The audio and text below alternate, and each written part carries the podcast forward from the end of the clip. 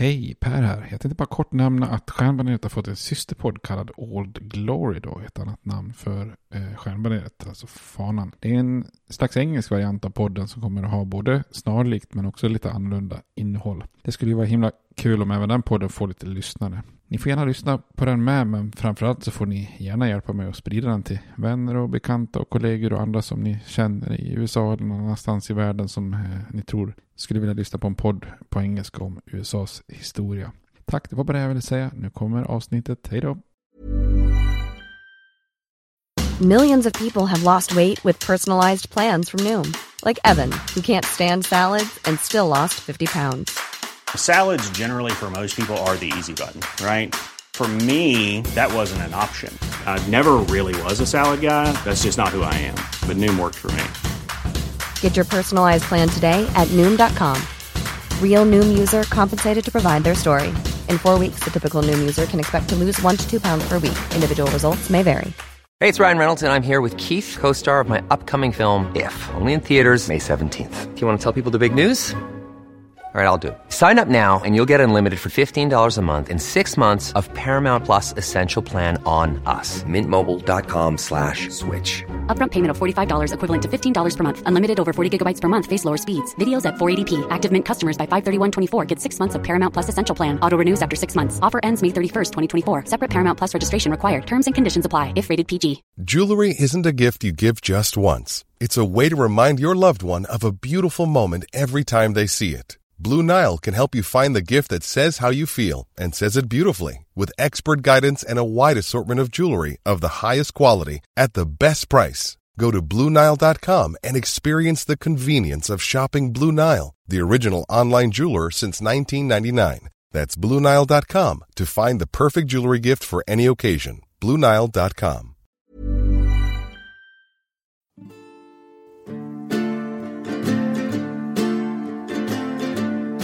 We hold these truths to be self-evident, that all men are created equal, that they are endowed by their Creator with certain unalienable rights, that among these are life, liberty, and the pursuit of happiness. Now we are engaged in a great civil war, testing that government of the people, by the people, for the people, shall not perish from the earth. And so, my fellow Americans, ask not what your country can do for you, ask what you can do for your country. I have a dream that my four little children will one day live in a nation where they will not be judged by the color of their skin, but by the content of their character. Mr. Gorbachev, tear down this wall. I did not have sexual relations with that woman, Miss Lewinsky.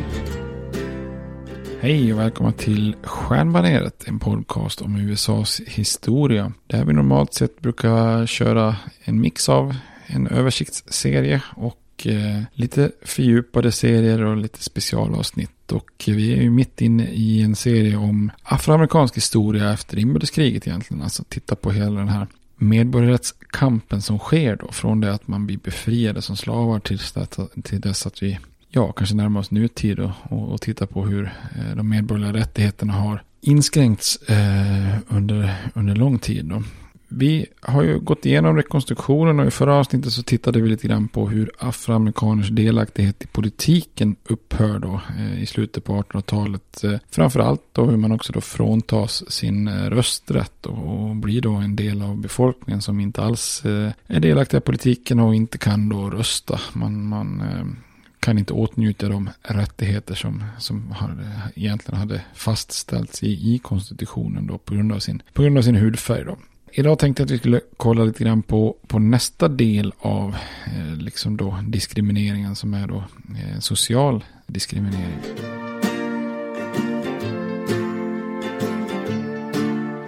Man kan väl säga då att eh, efter den ekonomiska diskrimineringen som, som mycket läggs till grunden då under rekonstruktionen eh, så kommer då politisk diskriminering och efter det då så kom ju också den tredje varianten med social diskriminering. Och det är inte så att det händer liksom helt så att säga sekventiellt utan det här hänger ju mer eller mindre ihop och sker parallellt kan man säga. Och det är ju, det finns ju naturligtvis hela tiden det ena ger det andra. Det är svårt för afroamerikaner att nå framgång på ett område om man motarbetas inom ett annat. Och, och, och blir man av då med både ekonomiska, politiska och sociala rättigheter så är man ju liksom då på, på botten kvar då, utan någon större möjlighet att leva någon amerikansk dröm på, på många sätt. Då. Och när det gäller den sociala biten så har det ju då fram till 1890-talet varit eh, relativt mycket social kontakt mellan svarta och vita, både under slaveriet och, och efter då. Eh, under slaveriet så eh, hade man till exempel oftast då hushållsslavar i, i slavägarnas stora fina hus och även vita förmän ute på bomullsfälten och så vidare. Så egentligen under slaveriet levde man ju väldigt mycket nära varandra då, vita och svarta. Men även efter slaveriets avskaffande så går ju vägen mot segregering relativt sakta. Eh, men de vita i södern inser med tiden att segregering är ett effektivt verktyg för att just kunna kontrollera och dominera afroamerikaner. Man börjar då leta efter legala vägar för att kunna eh, säkerställa och, och uppnå då segregeringen.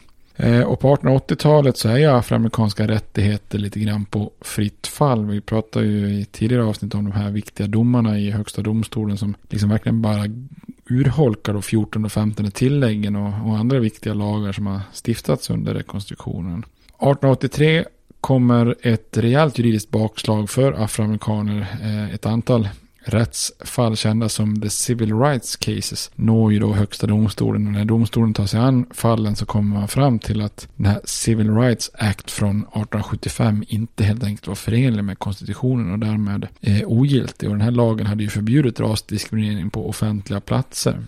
Så Civil Rights Act från 1875 hade ju varit egentligen de radika radikala republikanernas sista försök att säkra afroamerikanska rättigheter. Så att när den här domen då kommer så är det ju på många sätt spiken i kistan. Eh, I domen bekräftar ju också högsta domstolen återigen då att 14 tillägget i konstitutionen, eh, alltså förbud att diskriminera på grund av ras, bara gäller då eh, federala staten och inte privatpersoner eller affärsverksamheter eh, så, eller staten då. Eh, eh det, det här får ju såklart konsekvenser. Det öppnar ju upp för att alla typer typer av privata företagsverksamheter som järnväg och hotell, teatrar och liknande kan ju börja segregera samhället på ett legalt sätt. Så domen i den här civil rights cases blir därmed ett slags officiellt startskott eh, på den sociala segregering som, som kommer med det så kallade, eh, som kommer med så kallade Jim Crow-lagarna. Så på 1890-talet så sker det ju en dramatisk social segregering mot ett, ett slags då apartheid-liknande samhälle i södern då tack vare eh, sådana här så kallade Jim Crow-lagar. Eh, först och främst får man ju fundera kanske varför kallas liksom lagar som reglerar social segregering för Jim Crow låter ju liksom minst sagt underlätt då. Men Jim Crow är ju då en, en, en vanlig karaktär i, i en slags eh, små shower, en slags varieté eller teater, en slags billig form, populär underhållning som, som uppstod redan på 1830 och 40-talet. De här var ju shower som gjordes av vita för vita. Men så när man skulle ha då med en, en, en, svart karaktär så fick någon då måla sitt ansikte svart. Alltså ha, ha en så kallad blackface. Då. En, sån här, en, en av de vanligaste sån här blackface-karaktärerna brukade då kallas för Jim Crow. Eh, och Jim Crow och andra sådana här svarta karaktärer porträtteras då, eller porträtterade och väldigt ofta då svarta som väldigt på ett väldigt rasistiskt och nedvärderande sätt. Då. Och de flesta shower hade en rutin som kallades för Jump Jim Crow. Då. Eh, och en anmärkningsvärd sak är att ingen i, idag riktigt kan förklara varför lagarna som, som, eh, som sen då skapar segregering och diskriminering uppkallas upp, just efter den här figuren. Det, det liksom bara uppstår. Det finns liksom ingen jättetydlig koppling egentligen på ett sätt. Då. Före 1890 så har det ju förekommit kommit någon lag eh, här och där som, som bland annat inom eh, transportbranschen gjort då segregerande uppdelningar. Men efter 1890 och i början av 1900-talet så får de här så kallade Jim Crow-lagarna ett rejält uppsving då. Eh, och i dåtidens söder så är det ju en rätt naturlig utveckling på många sätt. Och många vita avskydde ju liksom närvaron av svarta på offentliga platser då. I parker, på transporter, nöjesevenemang, affärer och liknande då. Och det, det går ju liksom i deras resonemang då. För om, om svarta var en underlägsen ras som de allra flesta i vita i södern då ansåg. I så fall så var ju deras närvaro eh, i närheten av vita Eh, på alla platser egentligen en onödig och oacceptabel sammanblandning av raser. Då. Eh, vita kvinnor skulle inte behöva befinna sig så nära då svarta män som då oftast ansågs som farliga. För många afroamerikaner var en viss segregering inte enbart av ondo då heller, eh, åtminstone inte i praktiken. Då. Att, att stundtals kunde det vara skönt att ha egna kyrkor och skolor och sociala sammanhang då, där man kunde känna sig mer avslappnad och trygga runt andra afroamerikaner så att säga. Och det är ju lätt att förstå då, istället för att befinna sig på en plats där minsta lilla felsteg gör att man kan i princip bli lynchad eh, och så. Från 1890 så blir de här Jim Crow-lagarna mer systematiska och sprids då från den ena sydstaten till den, den andra då. Och här kan man säga att delstaterna i södern inspirerar varandra till exempel. Då. Eh, I Georgia så börjar man segregera en park. Eh, okej, okay, då hänger någon annan delstat på sig. Kan vi göra så? Ja, det var ju smart liksom. Och i Mississippi så segregerar man dricksfontäner. Ja, men det var ju smart. Det kan vi också göra. Så det här leder till att man börjar segregera sakta men säkert i princip allt. Då. Alltså drickfontäner, toaletter, restauranger, väntrum, teatrar, kapplöpningsbanor. Till och med liksom red light districts då med, med både vita och afroamerikanska prostituerade och så vidare vidare då. Eh, det, det, det tas till och med så långt som man till och med har segregerat skolboksförvaring. Då förstår man liksom på hur, vilken detaljerad praktisk nivå som segregeringen eh, till slut hamnar på då. Parallellt då så segregeras även andra saker som inte regleras i lag då. Eh, företag, restauranger, affärer, tvätterier och så vidare. Här, där, där företagen själva bestämmer hur det ska fungera då. Så i nästan varje aspekt av livet i södern så ska vita och svarta hållas separerade. Eh, och här, även om det kanske mest är förknippat som term med Sydafrika så är ju apartheid ett bra ord. Alltså apart, raserna ska hållas eh, delade så att man inte behöver ha med varandra att göra i annat än, än, än nödvändigt.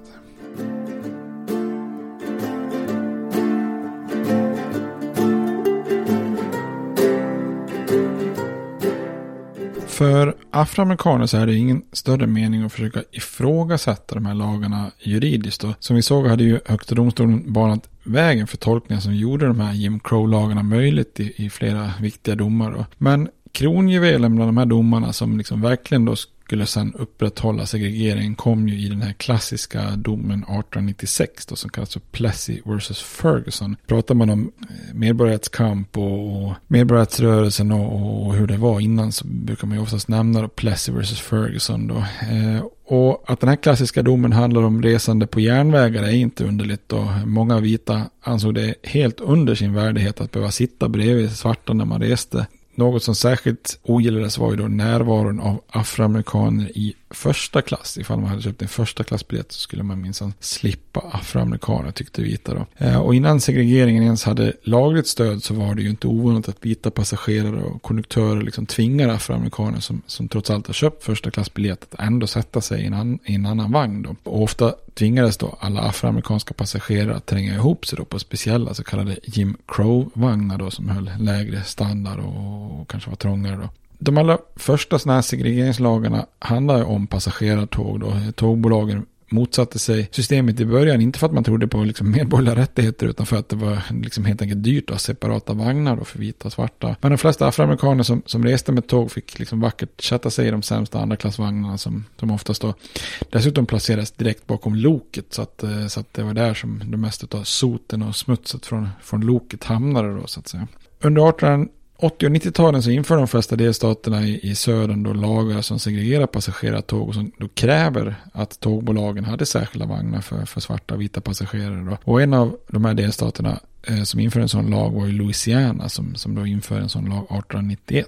Och för att utmana den här lagen så väljer aktivister i Louisiana att anlita en man som heter Homer Plessy, då, en, en skomakare i, i New Orleans och fransktalande katolik faktiskt. Eh, Homer Plessy var ju en man av så kallade mixed race, alltså blandras eller mulatt som det ibland kallas också. Alltså att man härstammar från både vita och svarta släktingar och kanske har lite ljusare hy då. Rent legalt gällde den ökända liksom one drop rule i södern. Alltså minsta lilla droppe svart blod så, så räknas du som svart och, och kan helt enkelt diskrimineras. Och Homer Plessy, han räknas ju då som afroamerikan, men det finurliga med att välja ut honom var ju att han bara var så kallade en åttondel svart, alltså oktoron, eh, eh, och därmed så kunde man knappt liksom nästan ut, identifiera honom utseendemässigt som en, som en svart man då. Så 70 år innan medborgarrättsrörelsen kommer igång på allvar så gör man här ett försök faktiskt redan här eh, på slutet av 1800-talet att, att eh, sätta fart på nästan på samma sätt då. Eh, I en noggrant planerad aktion 1892 så köper då Plessy den 7 juni en första klassbiljett och försöker åka i en vagn avsedd för enbart vita vid en tågresa med, med start i, i Louisiana men som sen då avses ja, tanken att man ska korsa då gränsen till andra delstater. Och kort efter att tåget rullar iväg från perrongen i New Orleans så kommer då konduktören för att kolla biljetten. Och hans utseende förbryllar då konduktören lite grann. Så, så mycket att han till slut bara frågar Plessy liksom eh, ifall han var då a colored man. Eh, och Plessy han svarar då ja. Eh, men sen så vägrar han att flytta sig från vagnen då. Istället så stoppar man tåget, eh, polisen kallas in och precis som man då egentligen hade hoppats, från, hoppats på från aktionisterna då, så arresteras han då för att ha brutit mot den nya lagen som segregerade tågresor i Louisiana. Då. Aktivisterna för medborgerliga rättigheter är ju optimistiska då. I liknande fall så hade ju domaren John Howard Ferguson i Louisiana dömt att liknande lagar var emot konstitutionen. Men i domen då eh, som kallas för Homer Alf Plessy vs. The State of Louisiana ger Ferguson segregeringen sitt stöd. Eh, man överklagar då så att fallet börjar vandra igenom rättssystemet och då byter också fallet namn då till klassiska Plessy vs. Ferguson. Och eftersom tåget korsade delstatsgränser eller så, så be, och, och befogenhet att då reglera intrastathandel är då en federal befogenhet så kunde domen tas till, till federal domstol eh, och hamnar då 1896 i den högsta domstolen i USA. Eh, Plessys advokater menar då att Louisianas lag som godkänner separata tågvagnar utifrån ras var emot konstitutionen. För att vara exakt då så menar de att segregeringen berövar Plessy då det 14 tilläggets garanti om likhet inför lagen då, equal protection of the law. Med rösterna 8 mot 1 då bland domarna i högsta domstolen så ställer man sig då bakom Louisianas segregeringslag då. Och majoritetsdomarargumentet i det här Eh, är ju då att det 14 tillägget inte kan ha, ha, haft för avsikt att ta bort faktiska skillnader mellan svarta och vita. Bara för att lagen krävde en eh, separation då mellan vita och svarta betydde inte det enligt domstolens majoritet att Plessy hade nekats några rättigheter eller, eller antytt att han var då var underlägsen på något sätt. Därmed slår man då fast den här berömda principen separate but equal och själva begreppet är egentligen inte med i själva domen men det är det som är då andemeningen och det är så man liksom då Eh, tolka det eh, senare då eller ska tolka det. Att behöva åka tåg separerade efter ras är alltså inte att bryta mot några rättigheter om man, om man ser till den här domen. Då. Domstolen anser då inte att 14 tillägget ger någon form av social rättighet för, att, för svarta att liksom sitta i vita eh, vagnar då, utan det här handlar mer om, om politiska rättigheter.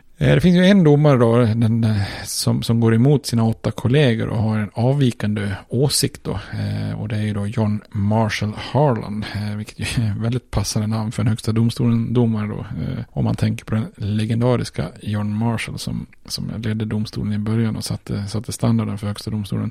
Trots att Harlans egna far varit slavägare så fördömer han majoritetstolkningen och, och liknar den lite grann vid Dred Scott-fallet 30 år tidigare. Eh, och Harlan gör själv själv en legendarisk tolkning i det här fallet och i sin avvikande dom eh, där han skriver att konstitutionen är färgblind, alltså colorblind och, och inte gör skillnad på olika klasser av människor. Harlan går emot sina kollegor i flera civila fall och brukar ju då ibland kallas för the great dissenter bland annat. Men den här principen av separate but equal, det är ju en princip sen som kommer att stå sig då juridiskt ända fram till det andra klassiska rättsfallet Brown vs. Board of Education 1954. Problemet med den här principen är ju att det är separat men knappast likvärdigt på något sätt i södern.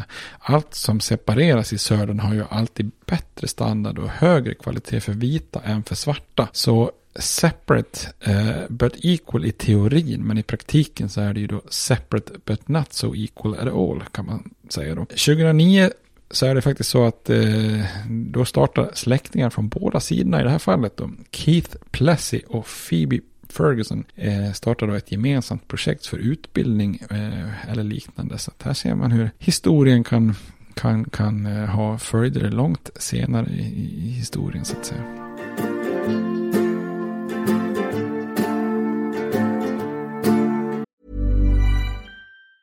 There's never been a faster or easier way to start your weight loss journey than with PlushCare.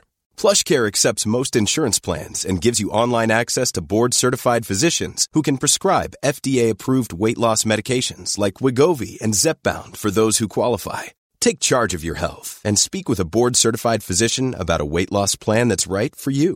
Get started today at plushcare.com slash weight loss. That's plushcare.com slash weight loss. plushcare.com slash weight loss. Hey, it's Ryan Reynolds, and I'm here with Keith, co star of my upcoming film, If, only in theaters, May 17th. Do you want to tell people the big news? All right, I'll do it. Sign up now and you'll get unlimited for $15 a month in six months of Paramount Plus Essential Plan on us. Mintmobile.com slash switch. Upfront payment of $45 equivalent to $15 per month. Unlimited over 40 gigabytes per month. Face lower speeds. Videos at 480p. Active Mint customers by 531.24 get six months of Paramount Plus Essential Plan. Auto renews after six months. Offer ends May 31st, 2024. Separate Paramount Plus registration required. Terms and conditions apply if rated PG.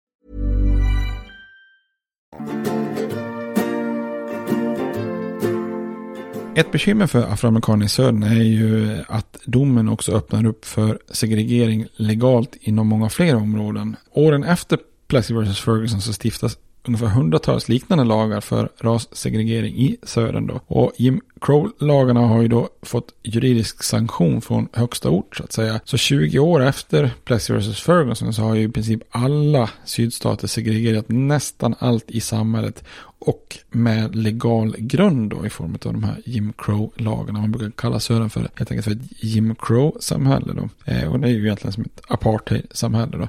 Ett närliggande område från tåg är ju spårvagnar och i slutet av 1800-talet innan bilarna gör entré så är ju spårvagnarna det absolut liksom, vanligaste sättet att ta sig fram i de större städerna. Då. Och med start i Georgia 1891 så införs segregering även för spårvagnar i de flesta städerna i södern. Då. Och ibland kördes olika vagnar för svarta och vita, ibland delas vagnarna upp i en vit del och en svart del. Då. Och det här är ju en princip som vi kommer se senare som också gäller på bussar. Då. Eh, men vi är inte riktigt framme vid Rosa Parks och, och det gänget än. Dock en viktig sak att påpeka, ibland är det ju historien som att afroamerikaner inte gjorde motstånd alls innan Rosa Parks reser sig på, på den här bussen. Det legendariska ögonblicket i Alabama på, på 50-talet. Men afroamerikanerna protesterar bittert mot eh, Jim Crows spårvagnar. Då. Redan under rekonstruktionen så hade de fram, framgångsrikt ogiltigt förklarat diskrimineringen på, på lokala spårvagnar i många städer med tekniker som bojkotter och, och det som senare kallas för sit-ins. Eh, och när Jim Crow-lagarna gjorde diskrimineringen legal 30 år senare så användes eh, samma tekniker. Då. Eh, så det genomförs större protester då i 25 av de större städerna i södern mellan 1891 när första lagen kommer och 1910 då. Eh, det är städer som Atlanta, Augusta, Jacksonville, Little Rock, eh, Columbia, Mobile. Och man valde att helt enkelt gå eller ta hästdrivna färdmedel i sina protester. Och de här bojkotterna innebar ganska stora ekonomiska förluster för spårvagnsbolagen och, och och var på, på sina håll framgångsrika. Då. Så diskriminering på spårvagnen i till exempel Atlanta och Augusta övergavs under en period. Då. Konstitutionellt erkända och accepterade Jim Crow-lagar genomsyrar ju då runt sekelskiftet eh, hela södern och överallt sattes då skyltar upp som informerade om det var för, för då whites eller colored. Eh, och för de vita talade skyltarna om vad de kunde använda och, och var de kunde vistas utan att behöva då beblanda sig med svarta. Och, eh, och för afroamerikaner så var ju skyltarna bokstavligt talat livsnödvändig information som behövde följas då. Ett brott mot den här segregeringen kunde ju vara eh, ett hot om, om våld eller till och med hot om, om, om att lynchas. Så skyltar om segregering fanns ju överallt i samhället då. Vid stationer, teatrar, dricksfontäner, toaletter, telefonkiosker och massa annat. Då. Och det finns egentligen ingen gräns för hur långt man i södern kunde gå för att hålla vita och svarta isär då. Eh, som jag sa, till och med prostituerade i New Orleans eh, hålls isär då. Eh, och det är ju samma, samma princip som, som gäller sen senare till exempel i Sydafrika då. Och även om Plessy vs. Ferguson slog fast principen om separate but equal så var det ju någonting annat i verkligheten då. I många fall fanns inte ens separata faciliteter för svarta överhuvudtaget. Eh, afroamerikaner exkluderades eh, helt bara. Liksom. Extremt få hotell, restauranger, parker, nöjesfält, badhus och idrottsanläggningar, bowlinganläggningar, golf eller tennis och så vidare eh, släpper inte ens in svarta då. Eh, sen fanns det naturligtvis undantag som gynnade vita då. En afroamerikansk barnflicka fick naturligtvis gå in i en park för vita när hon jobbade med sitt vita barn. Men att gå dit själv eller med någon afroamerikanska barn var ju otänkbart då. Och när faciliteter av olika slag fanns för både vita och färgade så var ju då kvalitet och standarden för de faciliteter som var för colored. Eh, ofta då eh, makalöst eh, mycket sämre. Då.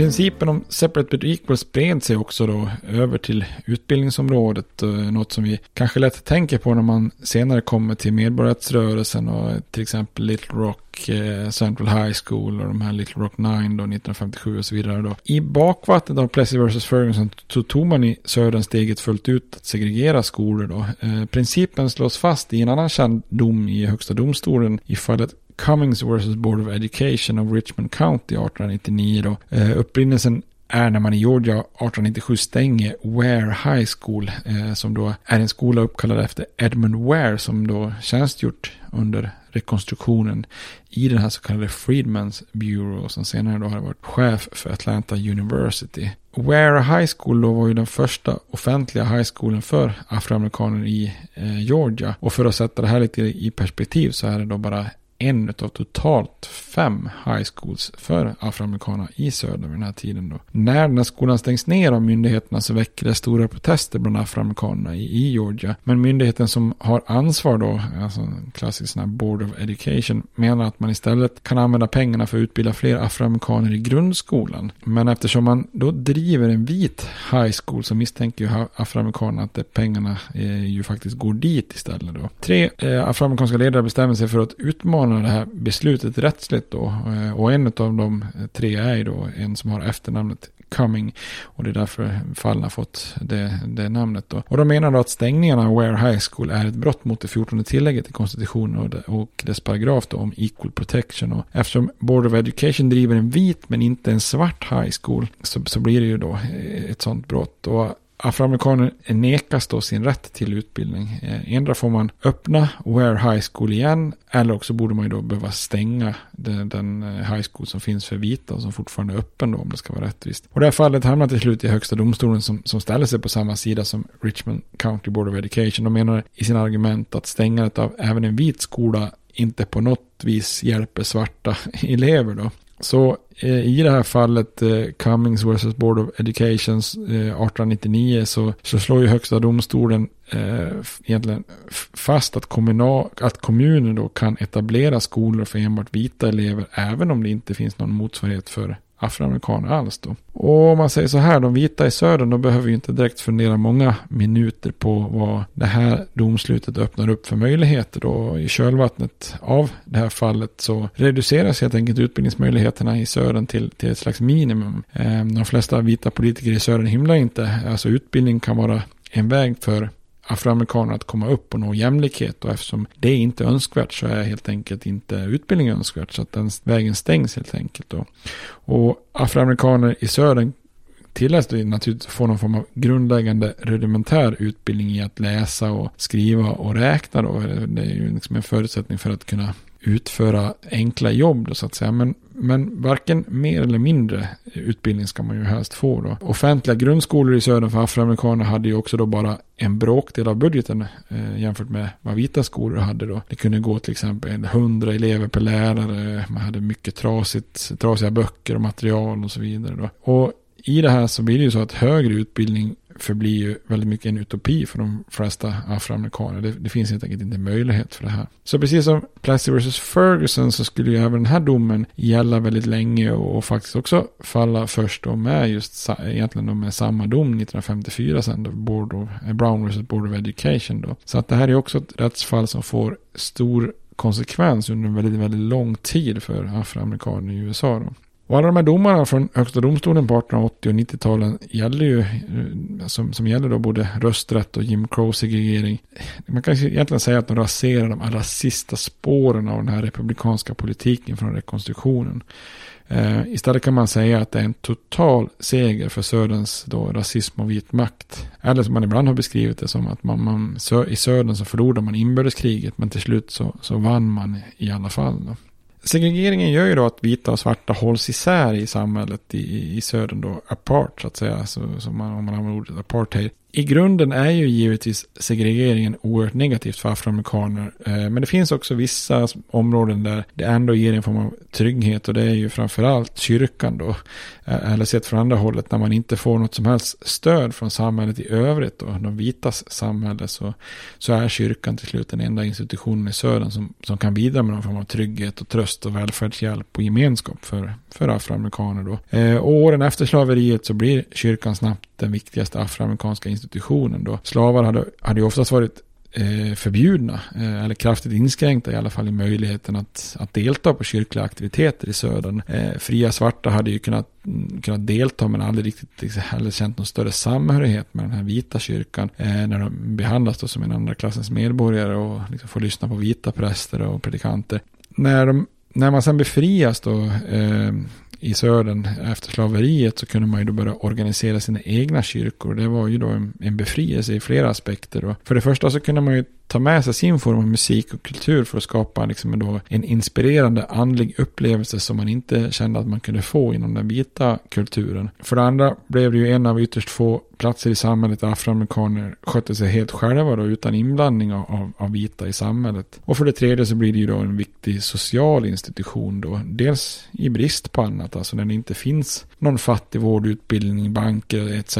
då för afroamerikaner i södern så, så kunde kyrkan ändå bidra med någon slags viss minimal eh, välfärd och service då. Och dels var det ju i kyrkan man träffades i det afroamerikanska samfundet. Alltså det är där sociala kontakter knyts, där, där, där ledare växer fram och det är där budskap förmedlas då. Eh, och de afroamerikanska prästerna de saknade ju i mångt och mycket utbildning och, och lära så att säga. Och det kompenserade man med en form av passion och inspiration då. Eh, så det finns vita präster som då besöker svarta kyrkor som både, och ena stunden förfäras man över grammatik och innehåll och så vidare. Men man, man blir också väldigt imponerad av den glöd och passion som verkligen då kunde beröra församlingens medlemmar ända liksom rakt in i själen då.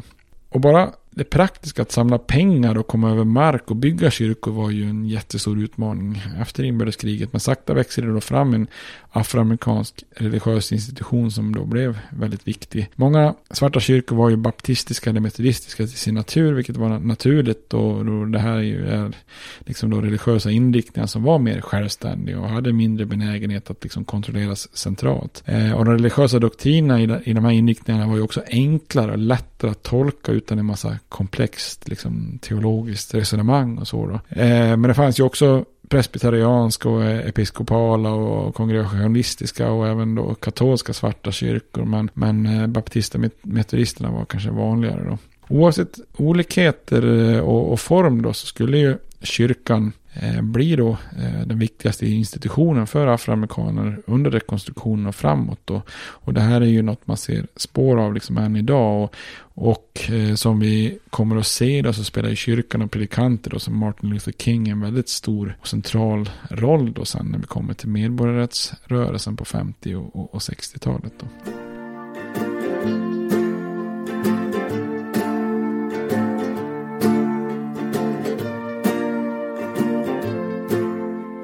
Men då har vi pratat om Jim Crow-lagarna och, sanktioneringarna i fallet Plessy vs. Ferguson som är en tydlig indikation då att de flesta vita amerikaner i, i nordstaterna stödde eller åtminstone accepterade diskriminering och fråntagen rösträtt från afroamerikaner i södern då. Eh, på 1890-talet börjar minnet av inbördeskriget och betydelsen då av abolitionist, abolitionisternas kamp att avta. Eh, många amerikaner var mer intresserade av att lägga inbördeskriget bakom sig och och försonas med sina forna rebeller i södern då. Så man kan säga att arvet från inbördeskriget lite grann dör ut då. De som fortfarande stred för afroamerikaners rättigheter började bli en ganska liten skara och som inte hade någon större förmåga att kunna mobilisera något politiskt stöd. När Frederick Douglass till exempel dör 1895 så var det nästan som en slags symbol för att en hel era går i graven då med honom. Eh, för stunden är ju de här 14 och 15 tillägget i konstitutionen i princip helt verkningslösa då